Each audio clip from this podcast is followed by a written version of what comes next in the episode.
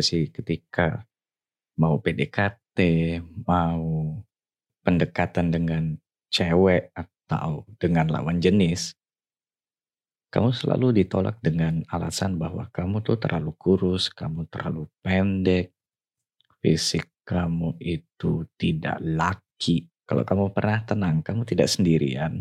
Dulu banget aku pernah di posisi itu dan aku tahu itu rasanya nggak enak. Kadang bikin sakit hati, kadang bikin malesin, kadang sampai bisa bikin kamu depresi juga sampai akhirnya kamu mencari cara gimana kamu bisa tambah tinggi, gimana muka kamu bisa agak mendingan enak dilihat, gimana dari fashion kamu kamu rombak sedemikian rupa jadi lebih bagus. Ya, tenang. Kamu nggak sendirian, ada banyak ribuan orang di luar sana yang masih merasa tidak aman terhadap penampilannya, merasa bahwa penampilannya itu tidak menjual, which is itu wajar banget.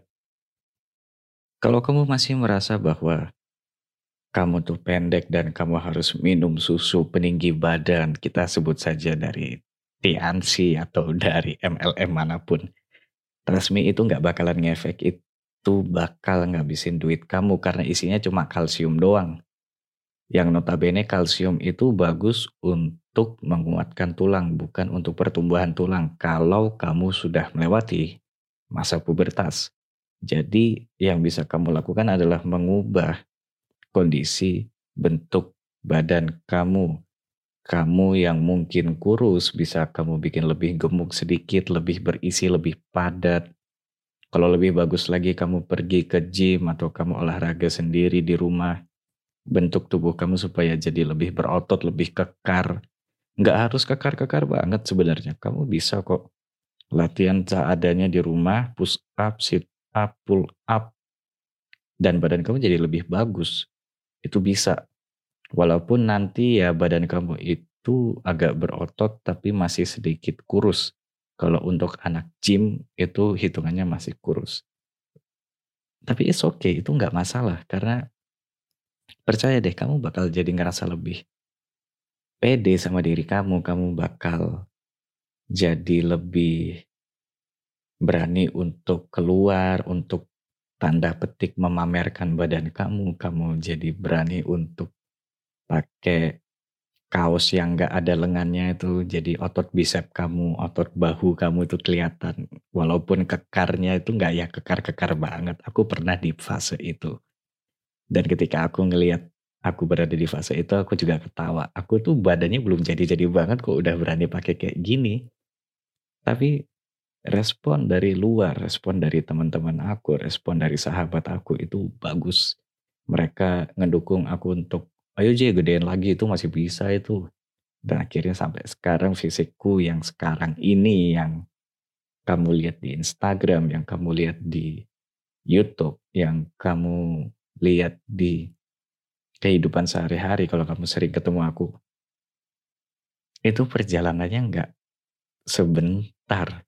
Aku mulai itu dari 2012.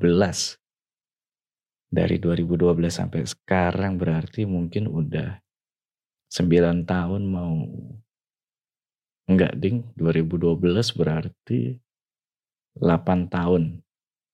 Bayangin aja 8 tahun aku ngebentuk badan ini. Jadi kalau kamu ngerasa bahwa perkembangan otot kamu lama, kamu harus sabar. Apalagi kalau kamu dari kurus dan kamu pengen gemukin tapi pola makan kamu masih berantakan. Sementara aku juga punya klien yang dia sangat insecure dengan tubuhnya sendiri padahal kalau dia pakai baju biasa itu kelihatan bagus. Ketika dia pakai baju olahraga, pakai sport bra yang perutnya kelihatan, nah itu baru mungkin aku bisa bilang ini badannya masih bisa dirombak sedikit karena dia agak sedikit gemuk. Kamu insecure sama badan kamu, kamu insecure sama penampilan kamu itu adalah hal yang wajar. Yang gak wajar adalah kamu mewajarkan keadaan tersebut dan kamu tidak mau mengambil langkah untuk memperbaiki kondisi tubuh kamu.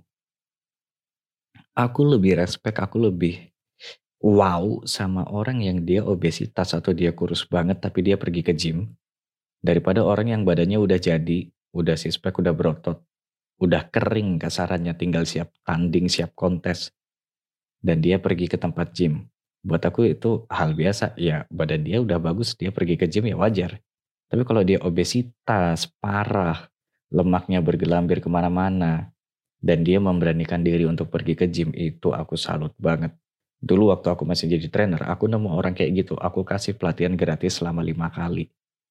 Dan ketika lima kali pertemuan itu dia langsung bilang, wah makasih mas, kalau aku pergi ke tempat-tempat gym yang lain, aku nggak pernah dapat perlakuan seperti ini.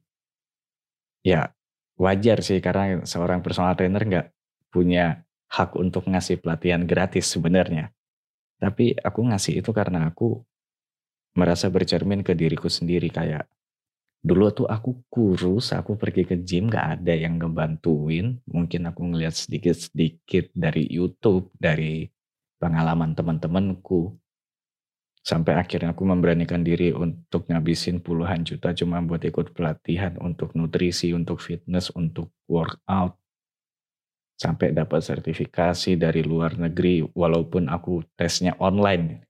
Tapi at least untuk lolos di situ dan dapat sertifikasi itu sangat susah banget nget nget nget nget balik ke cerita kalau misal aku lihat orang gemuk atau lihat orang kurus, aku salut karena mereka mau merubah tubuh mereka. Dibandingkan ketika tubuh mereka itu gemuk, tubuh mereka itu kurus. Mereka cuma bilang, aku udah kayak gini gini gini kok nggak gemuk-gemuk ya udah gini gini gini kok nggak kurus-kurus ya tapi nggak pernah olahraga nggak pernah jaga pola makan Ya itu logikanya di mana gitu loh. Kalau kamu pengen punya tubuh yang bagus, yang pertama pasti kamu harus olahraga, yang kedua kamu harus menjaga kalori yang masuk ke dalam tubuh kamu. Jangan sampai kurang kalau misalnya kamu mau gemuk dan jangan sampai terlalu berlebihan kalau kamu mau kurus. Itu adalah hal simpel yang udah sering aku bilang berulang-ulang kali tapi tetap aja masih ada orang yang bego atau bebal atau gimana itu aku nggak ngerti. Jadi insecure sama bentuk tubuh kamu itu boleh, boleh banget. Yang jadi permasalahan adalah ketika kamu cuma ngerasa insecure, kamu ngerasa bercermin tiap hari kok badanku jelek ya, kok aku kekurusan ya, kok aku terlalu gemuk ya. Tapi kamu nggak mau ngambil tindakan untuk olahraga atau pola makan itu tolol namanya. Sampai sini nangkep?